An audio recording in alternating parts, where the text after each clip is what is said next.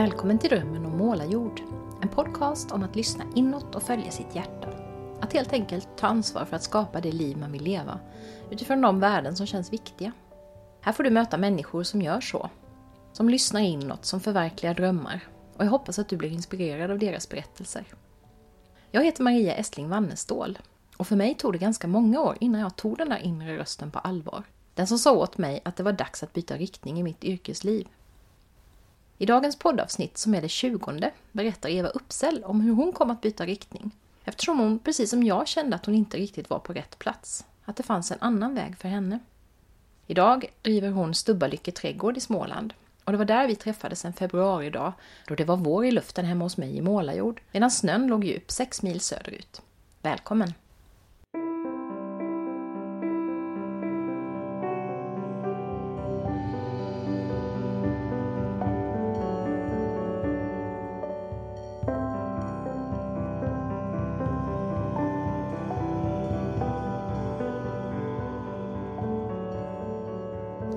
Jag har tagit mig ut till Stubbalycke trädgård som ligger utanför Älmhult i Småland för att träffa Eva Uppsell. Och jag tänkte att jag skulle vilja be dig börja med att beskriva den här platsen vi är på lite grann för de som lyssnar, som inte är här och ser hur det ser ut. Hur skulle du vilja beskriva platsen vi är på? Mm, det här är ju en gammal släktgård i min familj. Eh, så min släkt har ägt det här sedan 1814 och det är ett stort rejält hus ute på landet. Ett sånt här rött hus med vita knutar. Och en stor tillhörande trädgård som vi sedan vi flyttade hit 2006 har ändrat ganska mycket. Och anlagt och byggt till och fixat och grejat. Så idag är det, ja det ser helt annorlunda ut ja. utom, utemiljön än vad när vi flyttade Ja, det är framförallt utemiljön som ni har eh, ändrat eller har ni gjort mycket invändigt också. Ja, vi har nog i och för sig ändrat nästan helt inne också. Ja. Det har vi faktiskt. Ja.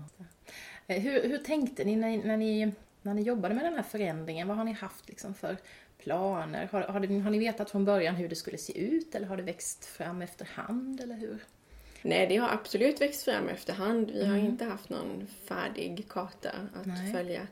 Um, både jag och min man, vi älskar att planera och fundera och kan gå runt i trädgården tillsammans och tänka, ja men så här skulle vi kunna göra där, och så här skulle vi kunna göra det. Och sen kommer vi på en ny idé och så tycker vi den är roligare och sen ändrar vi oss.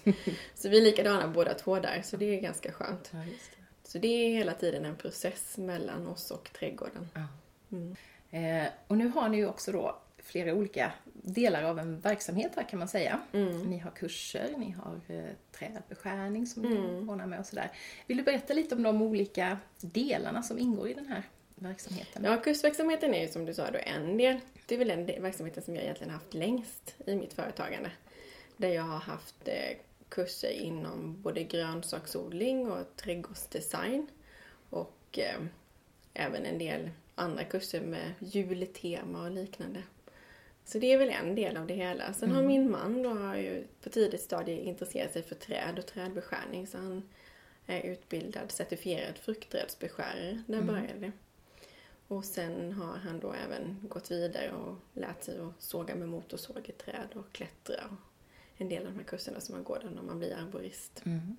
Och sen så hjälper ni andra att planera Ja, det är också, också. en del att vi har då trädgårdsplanering. Ehm, så det satte jag igång med lite mer ordentligt förra året. Jag har gjort det lite grann tidigare men förra året så tog det lite mer snö ordentligt och började på ett samarbete också med Klockaregården i Ör. Hur går det till då när man, om man vill anlita er? Ehm, har man en idé eller är man helt sådär öppen och ni kommer med förslag eller hur? Det är väldigt det olika. Det finns ju inte två kunder som är lika där och inte två trädgårdar heller. Nej. Så det är hela tiden att vara väldigt lyhörd för både kundens önskemål och platsens förutsättningar. Så det är en kombination. Mm. Och det kan ju vara allting från att man har ett hus som inte ens är färdigt, att man håller på och bygger, till att man kan ha bott i sitt hus i både 30 och 40 år och känner att man vill göra någonting, någonting nytt. Mm. Så vi har haft alla olika varianter, stora trädgårdar, små trädgårdar. Ibland vill man göra om allt och ibland kan det vara en liten del bara som man vill ja, in och förändra. Tänker du någon gång så här att nej men åh, så där vill jag inte att nej men varför gör de så här eller varför, varför vill de ha det på det här viset? Eller brukar ni liksom, ska du känna att ni kommer överens om vad som är bäst för miljön? Ja, jag har nog aldrig känt att nej men det här går ju inte alls. Utan mm. jag tycker att vi hela tiden har haft en, en dialog. Det är väldigt viktigt att jag är lyhörd. Ja. Man måste både lyssna på det som sägs och det som inte sägs, eller mellan det. raderna. Så kommunikationen där är ju oerhört viktig. Ja.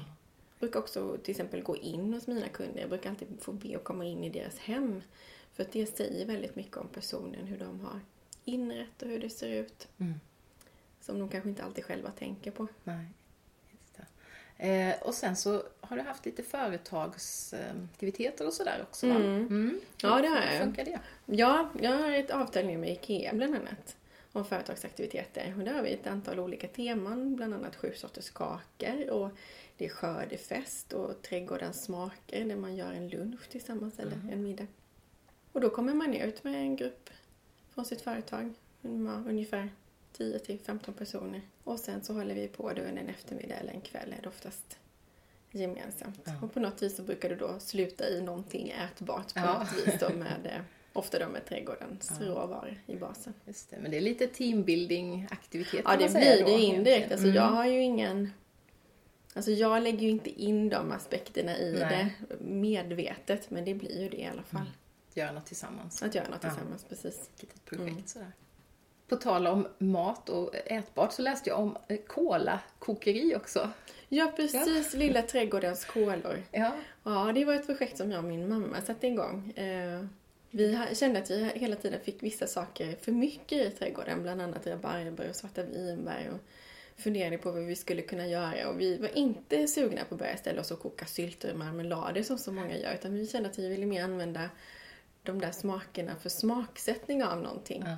Och så kom jag, ja ibland är det tillfälligheter, jag läste om eh, ja, ett, en eh, butik i Stockholm som gör kolor. Och då hade de någon enstaka smak som var med frukt och bär. Och då sa jag till min mamma, det här skulle vi kunna testa. Så vi provkokade lite och grejade och testade lite på någon marknad där. Och sen så kände vi, jo men det här funkar ändå. Så då, då eh, ansökte vi då och fixade med, med tillstånd och har haft ett litet kök här ute, eller det är ju kvar fortfarande. Nu bestämde vi oss här nu precis efter nyår att vi tar lite paus med kolorna. Okej. Ja. För att de... Ja, det är ju så med mat och hantverk. Det tar fantastiskt mycket tid. ja.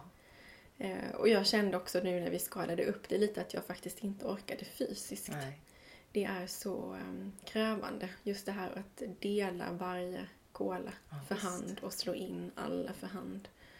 Ja, Som, ett som i matmässan då till Växjö när vi förra året till exempel gjorde 90 kilo kola för hand. Det är ju liksom 9000 kola som ska slås in och då är det två små snurr med det där pappret varje kola. Ja, just det. Så det tar ganska mycket på kroppen. Ja.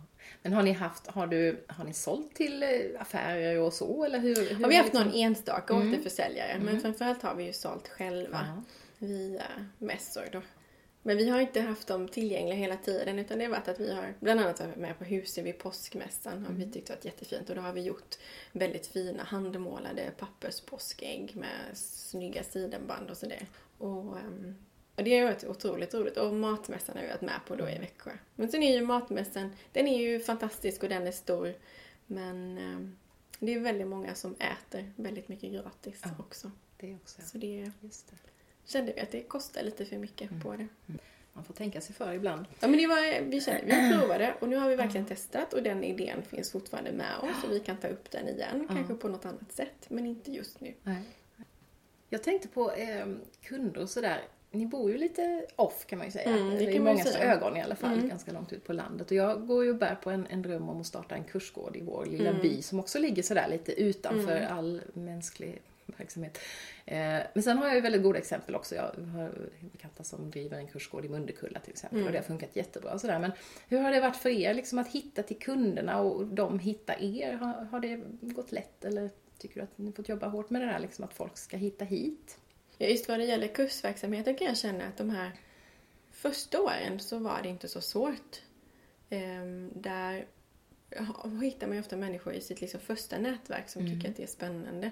Nu känner jag att det kanske är en lite större utmaning när många av de där i första ledet har Just det. varit här. Eh, så nu måste jag liksom komma lite längre ut. Ja. Eh, och jag har ju vissa kanaler men eh, det är ju alltid en utmaning att Mm. hitta sin kund Ja. Det och det, det. kan det ju vara inne i en stad också Ja, såklart. absolut. Men det är liksom sådär, man råkar inte gå förbi och se oj, titta där var något Nej, spännande. så är det ju. Det, ju. det är det. Det är ju ingen som... Jag menar, här passerar fem bilar per dag, så det Ja. är verkligen så. Det är ingen som kör förbi av misstag och, och bara råkar hitta Nej. det. Nej. Men så gäller det ju att vara med på vissa ställen. Och där till exempel har ju kolerna varit en bra grej när vi har varit med på marknader. Att vi har haft med oss material om våra kurser. Så där har vi fångat upp människor på det sättet till exempel. Mm. Ni har ju en, en eh, bakgrund, du och din man. Du är biolog och han civilingenjör. Mm. Och ni har bott i Lund och varit anställda och sådär. Mm. Och sen så hamnade ni här. Vill du berätta lite om hur den resan har gått till? Ja, det, det är ju en krokig väg, det kan man ju lugnt sagt säga. Vi båda läste ju i Uppsala och tog våra examina där. Och eh, hur vi sen hamnade, jag började ju då jobba i Lund, vi bodde i Landskrona. Eh, och det var ju, det bara hände ju ibland. Min man hade, var färdig civilingenjör och eh, hade ett jobb på gång nere i Helsingborg. Och jag kände, jag hade ju mitt jobb i Uppsala och insåg att hjälp, hjälp, här håller han på kanske ska flytta ner till Skåne. Jag borde kanske också söka något och hittade en tjänst på ett litet, eller inte så litet, men bioteknikföretag som passade helt perfekt med den utbildning som jag hade. Så jag sökte den där tjänsten. Och det var 90 sökande och jag fick den. Så det var ju jätteroligt. Men sen blev det så att sen fick ju inte han den där tjänsten som han hade sökt. Ja, så då stod vi där ändå. Jaha, nu hade jag... Han redan hade ett jobb i Uppsala. Jag fick ett jobb till nere i Lund. Ja, vad gör vi nu då? Ja, nej men vi flyttar väl ändå. Så då gjorde vi ju det. Och sen fick han ju jobb också när vi väl kom ner sen. Det tog ett litet tag men det löste sig det också så han började jobba sen på Landskrona kommun.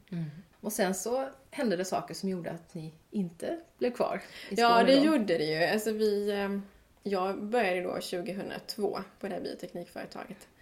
Och eh, det var ju inom rätt bransch, absolut. Det var ju precis perfekt utifrån min utbildning.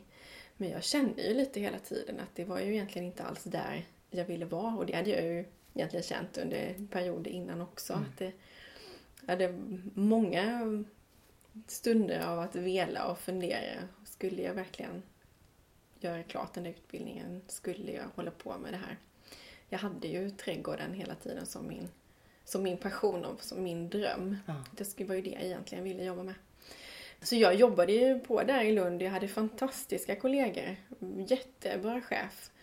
Och ehm, fick ju lära mig oerhört mycket nytt. Men det, på något vis så gnagde jag hela tiden att jag skulle egentligen vilja göra någonting annat. Och ibland är det sådana konstiga tillfälligheter. Så jag hade bestämt mig där på ungefär ett år efter jag hade börjat att nej, men nu, nu går jag upp till personalchefen och frågar om jag kan få tjänstledigt. Eh, för jag hade bestämt mig för att jag ville studera på Alnarp ett år, de med trädgårdsinriktning. Och precis den där dagen, så när jag var på väg upp, så kom en av mina bästa kollegor och sa typ, du snälla kan inte du hjälpa mig med den här analysen? Jag skulle behöva lite hjälp. Jag sa, jo men visst tänker jag, det är klart att jag hjälper henne. Jag kan ju gå upp till personalchefen imorgon, det är inte, jag hade inte bestämt någon tid med honom. Och sen morgonen efter så um, står det stort anslag när jag kommer innanför dörren på jobbet att alla ska samlas. Och det visade sig att man då har bestämt sig att man skulle varsla 99 av 175 anställda. Och de flesta gick ju därifrån det där mötet helt förtvivlade och upprivna och jag kände att jag gick med ganska lätta steg och visste ja, nu vet jag vad jag ska göra. Just det, du fick den där knuffen som du hade tänkt. Jag blev liksom verkligen ut på det. Jag insåg ju direkt att var det 99 av 175 som blev varslade och att jag bara hade varit anställd ett år så skulle jag ju definitivt få gå. Och så blev det också. Ja. Så det var ju väldigt, det var ju en omvälvande period där, så många människor som mådde ganska dåligt. Medan jag själv kände ju hela tiden att jag visste ju att eh, det skulle bli bra för min del. Mm. Och hur kom tanken att flytta upp hit då? Var det, kom den direkt eller hade du andra Nej, först? det, det gjorde den ju inte. Så vi, under det där året när jag då läste på Alnarp eh, så bestämde jag och min man då, som vi hade precis gift oss, att eh, blir det bebis så blir det bebis. Och det blev det. Ganska så. så jag hann liksom sluta på universitetet i juni och så kom bebisen i juli. Så det var ju precis. Och när vi väl då fick den här lilla underbara killen så kände vi att vi ville ju gärna komma uppåt närmare våra föräldrar som ju, de bor ju här allihopa. Och vi bodde ju i en lägenhet, alltså en fantastisk lägenhet i och för sig, en 1800-talsvåning på 80-90 kvadrat där med 3,60 takhöjd. Dröm Och- för och, många, ja, och utsikt över havet, så det var ju ett fantastiskt läge. Men vi båda två som då är uppväxta i, i skogen och med möjlighet att gå ut och med trädgård kände oss nästan lite instängda med den här lilla Mm. bebisen. Vi ville ju flytta, komma närmare. Och då började vi leta hus. Vi letade hus och letade hus och vi släpade med våra stackars föräldrar på husvisningar, en hit och en dit. Och så till slut en dag så ringer min mamma och så säger hon, eh, då hade min man precis fått jobb också här uppe i Älmhult. Mm. Det kanske är till Stubbalycke ni ska flytta. Det blir helt tyst tänkte jag. Ja, så det kan vi ju göra, men var ska ni bo? Ja, då bodde dina Ja, då föräldrar bodde här. mina föräldrar. Mm. Var ska ni bo då? Ja, så men då får ju vi hitta något annat istället. Det måste ju vara bättre. Ja, så, så då ändrade vi fokus och så då... eh, Och det hade aldrig funnits i tankarna att ni skulle Nej, kunna för göra min så. del hade det aldrig funnits i tankarna. Inte förrän de sa det. Nej, för mig var det ju så självklart att de bodde Ja, ju här. Nej, men nej. Nej, absolut inte. Så då bytte vi fokus. Och så hittade vi då ett hus till dem istället. Mm. Så nu bor de här i närheten Ja, nu också. bor de eh, nere i byn. Mm. Så så fick det bli. Och min pappa tyckte det var jättedyrt att köpa hus och jag som var van både vid Uppsala och priserna nere i Skåne. Ja, nej, jag sa nej, nu, nu börjar det närma sig nästan 550 000. 550 000! Vad fasen! Försökt! Höj 50 till! Ja, ja, Jag tyckte inte att det var några pengar alls om man jämförde dem med de prisnivåerna som vi var vana vid. Så det var bara köra. Ja. Så det löste sig. Allt löste sig på Ja. något vis på en gång. Huset till mamma och pappa och jobb till mannen och Mm. vi flyttade. Men tänkte du då, visste du då vad du skulle göra av din jobbsituation? Nej, det liksom, visste eller? jag inte Nej. alls. Där var inte jag då Nej. överhuvudtaget. Alltså jag hade ju på något vis en dröm om att någon gång kunna jobba med trädgård på något sätt. Men samtidigt så kände jag ju att jag hade precis då fått mitt första barn. Hela den här delen med föräldrapenning och säkerheten med inkomst. Så var jag inte beredd att, att där och då satsa på eget företagande. Så det var ju en chansning. Alltså vi flyttade ju ändå från en, en region där det ändå fanns möjlighet för mig att få jobb upp till Älmhult. Där det ju då Ja, det finns ju ingen verksamhet Nej, det alls med Ikea, det. Ja, men det är ju det. Ikea, punkt. Och det blev ju faktiskt just det också, Ja. Ikea. Eh, Så jag eh, satte igång en, en trädgårdscirkel i samarbete med Vuxenskolan eh, den första hösten då när vi flyttade hit. Och där hade jag väldigt många människor från IKEA, så någon av de sista gångerna så sa jag det att om ifall att det är någon av er som skulle höra någonting som ligger i närheten av det området där jag är utbildad så får ni gärna säga till. Och då var det en av tjejerna på du som jag vet att det är en tjänst. Och så kollade jag upp det och den blev det. Så då började jag jobba på Ikeas eh, testlabb i Älmhult med kemi. Och det gjorde jag sedan i sex år då, med uppehåll för barn emellan där. Och så kom, eh, började du utveckla företaget liksom lite sådär vid sidan av? Eller hur? Ja, i början hade jag inte företaget där, utan det kom lite senare. Vi har ju, I och med att vi är skogsägare så är vi ju vi företagare klart, per automatik. Så alltså, ett företag fanns det ju i grunden. Så i början så eh, hade jag liksom fullt upp med, med bebis och sätta igång och, och jobba på IKEA. Och sen så kom det då att jag hade eh, någon kurs i egen regi som jag då la under skogsföretaget. Det var ju inte så svårt. Och sen fortsatte det där liksom att lägga på någon kurs till. Och efter ett tag så kände vi det var egentligen inte förrän, eh, nu ska vi se, 2014 som vi gjorde ett rent trädgårdsföretag av det. Så att vi liksom separerade i två bolag.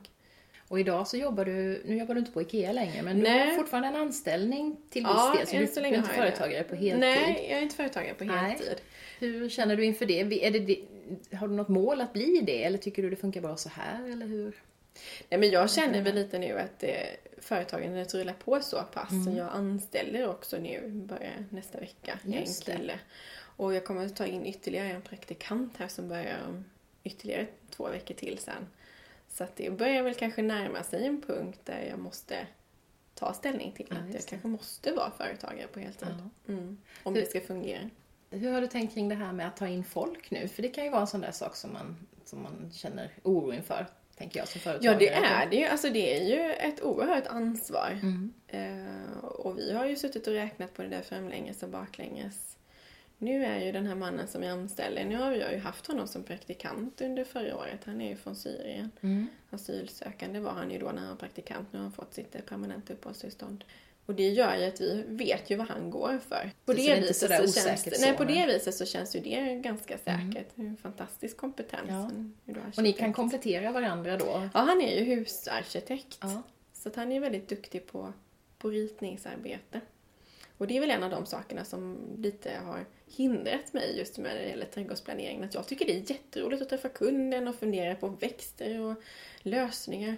Men sen det där sista, verkligen sätta sig ner och, och rita ner förslaget i detalj så att allting blir exakt och skalenligt. Ja. Då tar det emot lite grann hos mig. Och nu har jag ju då fått den här personen som kompletterar mig, som gör den delen. Så det har varit jätteskönt. Så vi gjorde ju ganska många trädgårdar förra året. Ja. Mm. Och har på något vis också hittat ett arbetssätt som fungerar. Och den här andra praktikanten, vad, vad blir det för kompetens? Ja, där blir det mer praktiskt. Mm. För vi märkte ju förra året nu när vi, en del av de kunder som vi är ute hos när vi gör trädgårdsplanering, att de faktiskt också vill ha en del praktisk hjälp Mm. med att gräva och plantera och fixa. Och det gjorde vi i en trädgård förra året i Växjö. Och där tänker vi att det kommer nog komma fler uppdrag. Vi vet redan nu att vi har i alla fall tre sådana uppdrag. Och om man jämför med förra året så är det en ganska stor skillnad i volym. Ja, 300% mer redan Ja, nu och ja, kanske ytterligare ett på gång Ja. in. Så där tänker jag att han ska få jobba lite nu praktiskt i min trädgård och få lära sig. Och sen så ska han få vara med mig ute när vi börjar anlägga, Ja. fixa grejer. Mm. Så det kan ju bli så att han också kommer kunna få en anställning sen Ja, på sikt.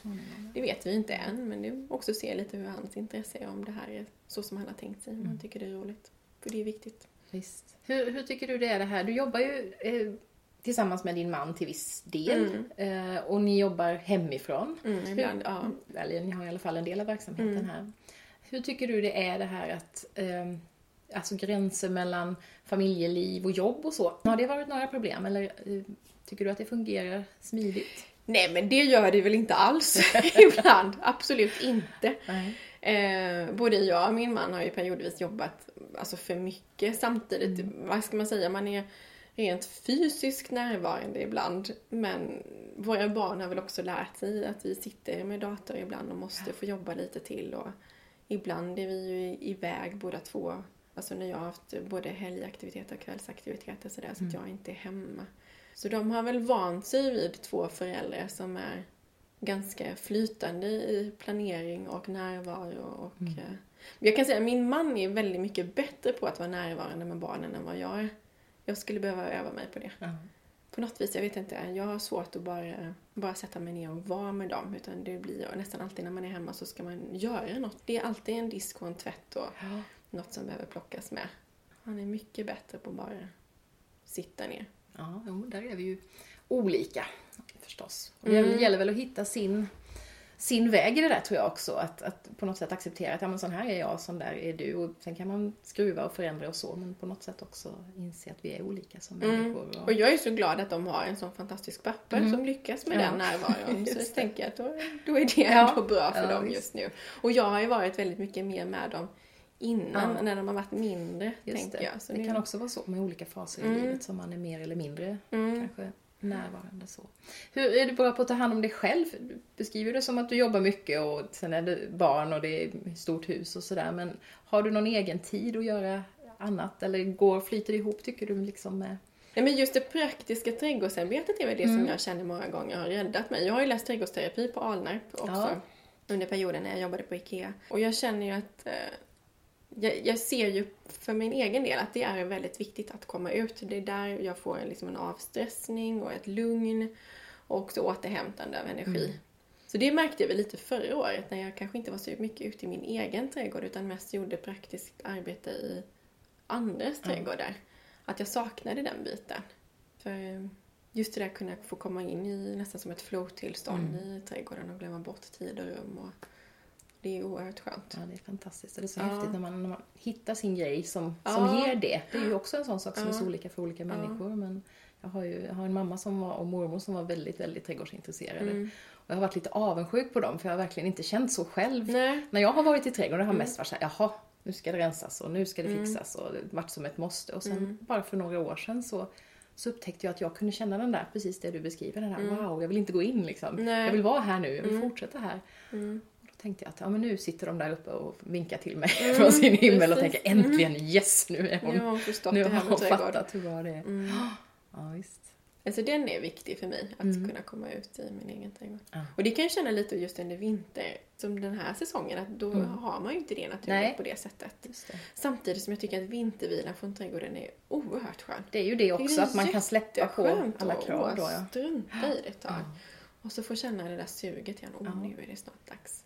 Precis. Och det på tänker jag ofta också om att, att bo i ett land som vårt, just det här att man får längta, att det inte Mm. är varmt och soligt och blommigt hela tiden liksom, utan att man, man har den där ide-perioden när man går Mm. in på vintern och sen får man komma ut och då är det så himla härligt. Och det känner jag nog mer och mer också, att jag faktiskt uppskattar alla årstiderna mer och mer. Ja.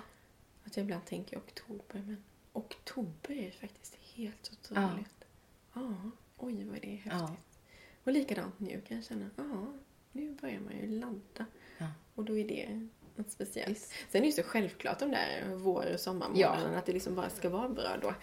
Jag undrar om det också är det här när man, säsongen. när man bor på landet så, för man är ju så nära på något sätt Mm. eh, alla årstider. Jag trodde nog att det skulle bli jättetråkigt när vi flyttade ut på landet, att det skulle vara jättetråkigt den där vintertiden liksom. Men jag kan också känna så att det är häftigt med alla. Mm.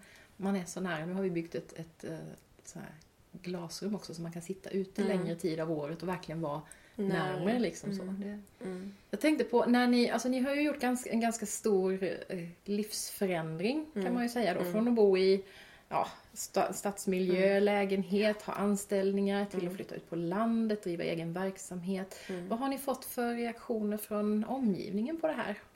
Är det någon som har tyckt att ni var knäppa när ni släppte? Nej, man säger när vi gjorde flytten från Landskrona hit upp. Det tror jag de flesta såg som ganska självklart. De Mm. som känner oss väl, det var inget konstigt alls. Nej. Nej, även vår familj, alla våra vänner. Nej, det Nej. tror jag alla mer kände att vi hittade rätt. Sen, och då hade vi ju båda två anställningar ganska lång tid. Alltså välbetalda, bra jobb. Min man har jobbat som konsult även alltså på chefsnivå i många, många år. Mm. Men det var väl mer, alltså, och jag kände ju lite att jag hade ju min trygghet lite när jag sa upp mig från IKEA och började jobba bara lite deltid och delvis då med företag så hade jag ju min trygghet i Mm. att han hade sin anställning kvar.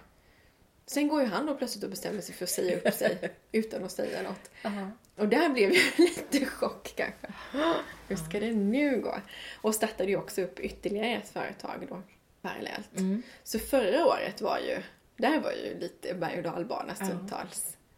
Hur ska det här gå? Liksom, då tappar vi ju hela hans ganska stora inkomst och plötsligt ska klara oss ändå. Mm. Och så som i hans fall då med en företagsstart som där man då inte kan ta ut någon lön själv. Nej, för han har startat Ja, han har ju skola. startat, nej inte, Nej, ja, inte skolan, men- restaurang är det ju Just det, faktiskt. så det. Mm. Mm. Så de lagar mat nu till eh, två, eller tre friskolor till och med, plus äldreomsorg och Mm. Ett asylboende. Mm. Ja. ja, det är ju verkligen en omställning. Ja, och det, är- det är lite men den bakgrunden har ju inte han Nej. alls. Alltså restaurangbakgrunden. Så det har ju varit mycket lärande i det. Ja, Absolut. ja verkligen. Så vi kände väl lite att vi, lite när jag sa upp mig, så jag satt ju och funderade länge på det, där. skulle jag våga ta det steget, säga upp mig? Och just den där sommaren, var ju 2013 måste ju det varit, när jag då, jag satt och rensade blåbär och lyssnade på Jonas Gardell, Mm. Sommar i P1.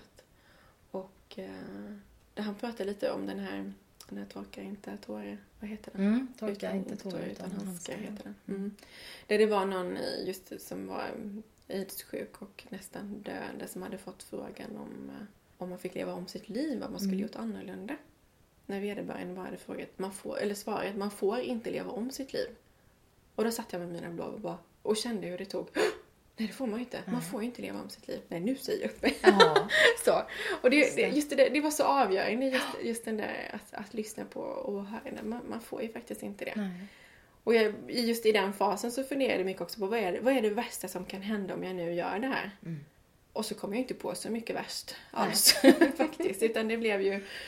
Ja, det skulle i så fall vara att jag inte tjänar några pengar alls på mitt företagande. Och då får jag ju faktiskt söka ett jobb igen. Ja, det tänker jag ofta också. Det är ju faktiskt inte svårare än så. Nej, och jag tänker på hur många jobb har jag sökt i mitt liv? Ja, det är inte så många. Och hur har det gått de gångerna jag har sökt jobb? Det har gått väldigt bra. Ja. Mm. ja. Jag tänkte, nej men då, då kan det inte vara värre Mm. än så. Och så lovade jag mig själv också i den vevan när jag väl sa upp mig och började som egenföretagare att jag skulle ge det två år innan jag fattade några beslut om jag skulle fortsätta eller inte. Mm. Jag inte fick vara för snabb. Nej. För det är ju oftast ett problem för mig att jag, nej nu går det inte, det här funkar inte. Nej, det går inte. Nu måste jag göra något annat.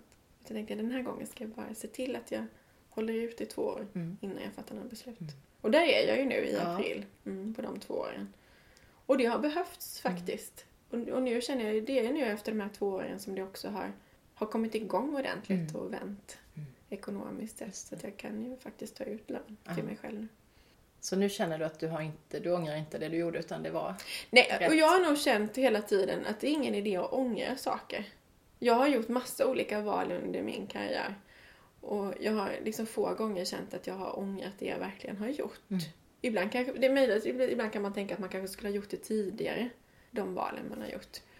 Men att ångra någonting tror jag, det, Nej, det är ju ganska meningslöst. För det, det, det ger ju faktiskt ingenting Nej. alls. Nej.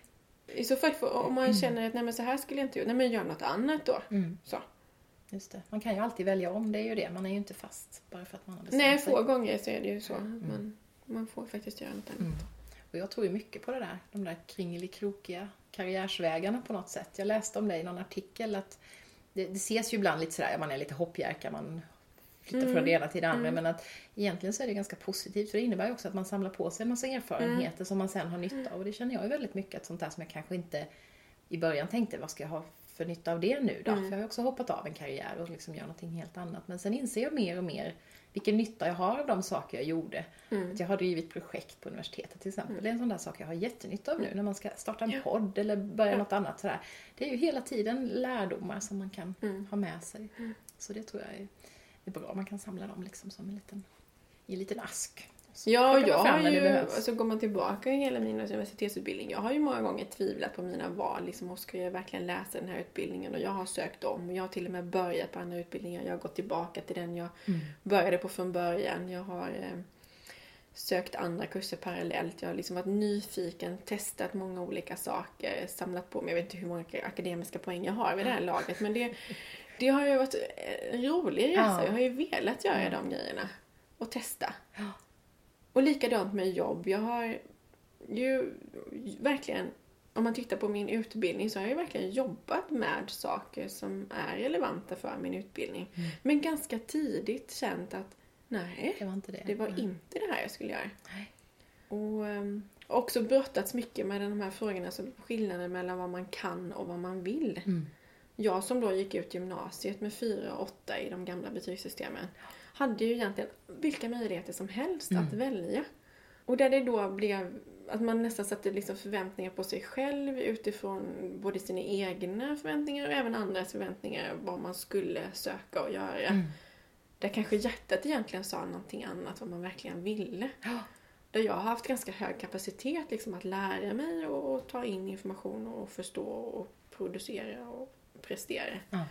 Och vilket ibland kan jag önska, tänk om jag inte hade haft det, då hade jag kanske mer verkligen kämpat för att... Just det, för att Göra behålla det som där. jag ville. Ja, ja, Men nu har jag mer kunnat i princip göra vad som helst. ja. Det Och det har ju jätteintressant. slagits mycket med de två delarna. Just det, för man är så van att prestera också. Och Mm. Visst, det liksom går. det här Det yttre, liksom, vad, som, Mm. vad som anses vara. Mm. Det fick jag också höra. Jag också gick ut med höga betyg och nu kan du bli läkare. Ja, men Jag vill inte det jag vill. läkare. Liksom. Nej, men precis så känner jag också. Jag hade ju i princip, hade jag bara läst upp något enstaka betyg så hade jag också kunnat bli Ja, läkare. ja. Men det har ju aldrig varit någon Nej. dröm för mig. Jag har inte velat det. Det var min barndomsdröm en gång i tiden. Då skulle jag bli kirurg, men då var jag ju Mm. 6-7. Så sen hann det ändra sig ganska många gånger tills Mm. det var dags att söka. Ja, men det tycker jag är jätteintressant det här med, med just de vägval man gör. Hur mycket det handlar om att lyssna på sig själv och hur mycket man Mm. lyssnar på förväntningar och Mm. bara gör för att, ja, på något vis, det är så man gör. Mm. Så det, det är spännande. Det är så roligt att träffa andra som, som också liksom har svängt av sådär. Och, Ja, jag har verkligen slagits med det Mm. mycket. Men på något vis ändå tog mig igenom hela min, min grundutbildning på Mm. universitetet. Mm. Och mitt examensarbete. Och blev ju erbjuden doktorandtjänst. Ja. Exempel kände jag, ska jag göra det? Nej. Och där är jag ju evigt tacksam mot mig själv att jag ändå Ja. kände att nej, det ska jag faktiskt inte. Nej. Nästan alla mina vänner gick ju in i det Mm. på forskarutbildning. Ja.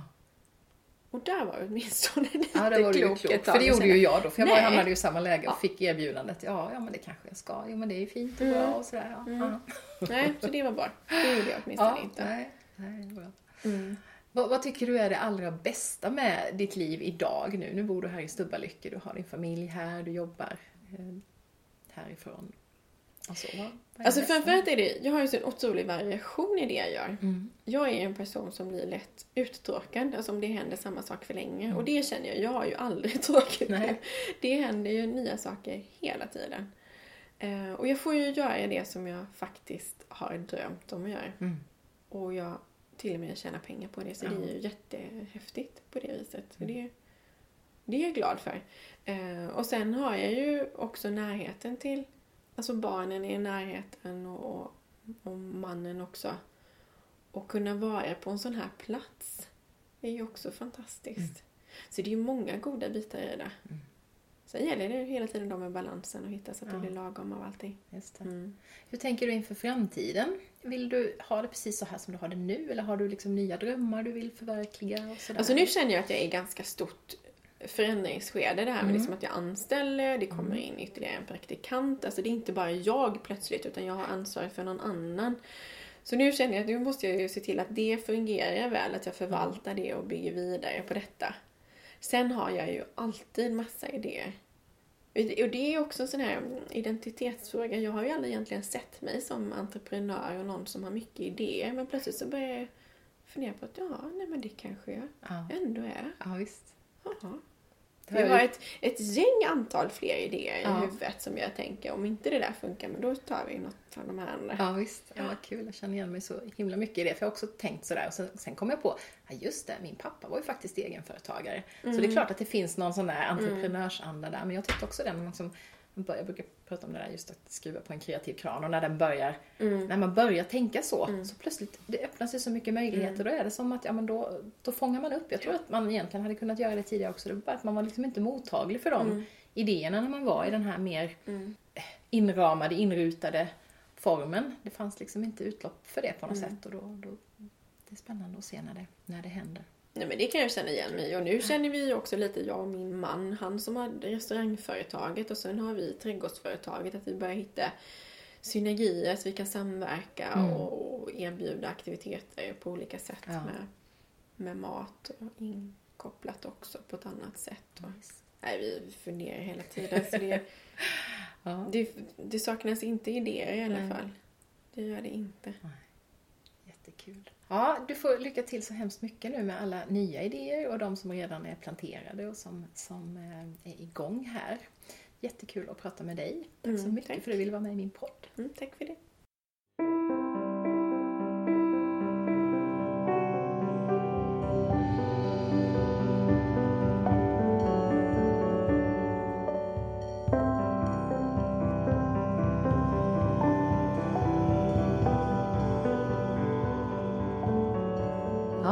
Var Eva Uppsell. Och om du vill veta mer om Stubbalycke trädgård kan du gå in på www.stubbalycke.se. Eva berättade under vårt samtal att det tog ganska många år för henne att förverkliga den där drömmen, trots att det gnagde och hon kände att hon inte var på sin rätta plats. Och så är det ju för många av oss. Vi vet kanske egentligen att vi behöver en förändring, yrkesmässigt, i vår boendesituation, i en relation eller på något annat vis. Men vi tar inte den där lilla rösten riktigt på allvar. Det är så svårt att komma till skott Radioprogrammet Kropp och själ har ett avsnitt om just oförverkligade livsdrömmar från den 18 augusti förra året. Det pratade jag om i det allra första avsnittet av Drömmen om målarjord. Lyssna gärna på det. Jag lägger en länk på poddens webbplats. Häromveckan fick jag ett nyhetsbrev som jag prenumererar på från en amerikansk coach som heter Muriel Marie med titeln Are you procrastinating on your life? Prokrastinering, det är ju ett annat ord för att skjuta upp saker jag tänkte läsa lite ur det här nyhetsbrevet. Kanske finns det någonting där som talar till dig som lyssnar just nu. Having fears is sometimes perfectly okay and simply means you're human. But when those fears become blocks that keep you from being happy and having a fulfilling life, it's time to take a closer look and change things. When we procrastinate, it's often because we're afraid, very often without knowing we are. We fear success or failure, or we fear not being good enough or smart enough, or having the willpower to see things through. Or we look at that mountain of things that we want to achieve, and our breath stops because we don't know where to start. and again that frightens us. So perhaps this is something you're experiencing. And if you are, I want to let you know that you're not alone. I was there, and for a long time. But eventually I figured that not taking action and missing out was more frightening than moving forward. And so I did. Along the way, there were things that really helped me to move past what was holding me back. Start with something small. Every project is made up of tiny bite sized, actionable steps. What you need to do in order to start small is sit down with your idea and a pen and a piece of paper and start chopping it down to little tasks, tasks that you can do in one sitting of half an hour or an hour. Then just pick one and start. Just five minutes. Procrastination is sneaky. It will creep up on you and make you believe you're tired or not in the mood to take action. And maybe it's true. Whatever the case, if you can get yourself to do something for just five minutes, you'll be able to get out of procrastination. Because five minutes goes so fast, you'll probably end up doing more.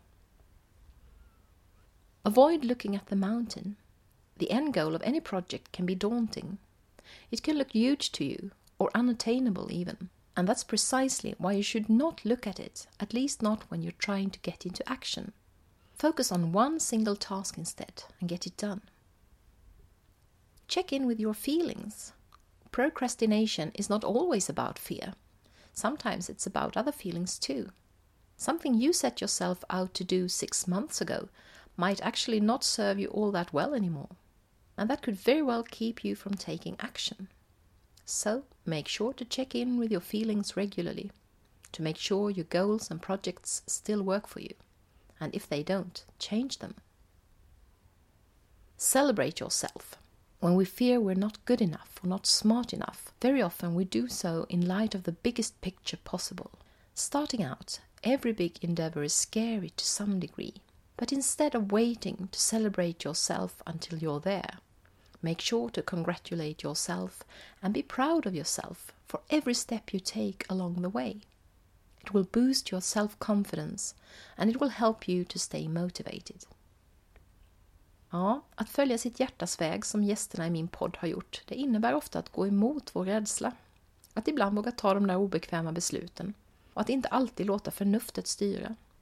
För hjärtat är ofta mycket modigare än hjärnan.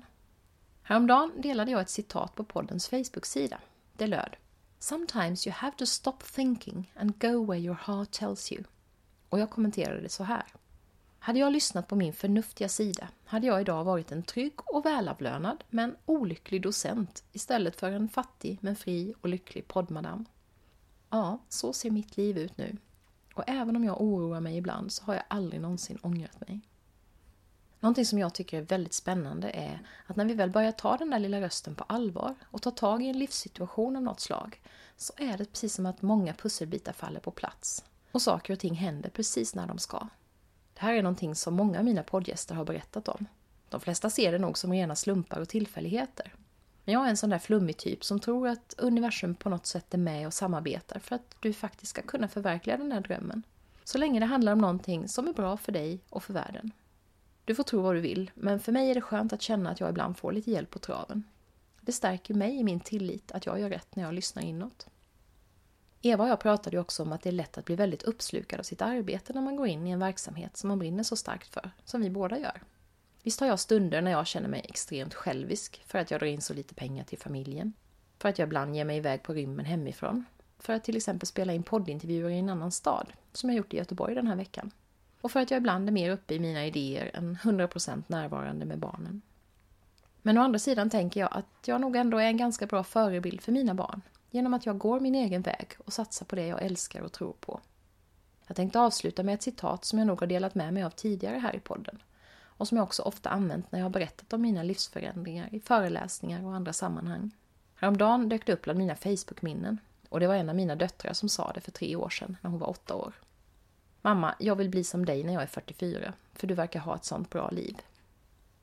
Nästa avsnitt handlar om superentreprenören med det goda hjärtat, Leila Jumer, en kvinna som inte är rädd för nya utmaningar. Gå gärna in på Drömmen om Målarjords Facebook-sida. Kommentera, dela och bjud in vänner som du tror är intresserade. Tack för att du har lyssnat och välkommen tillbaka!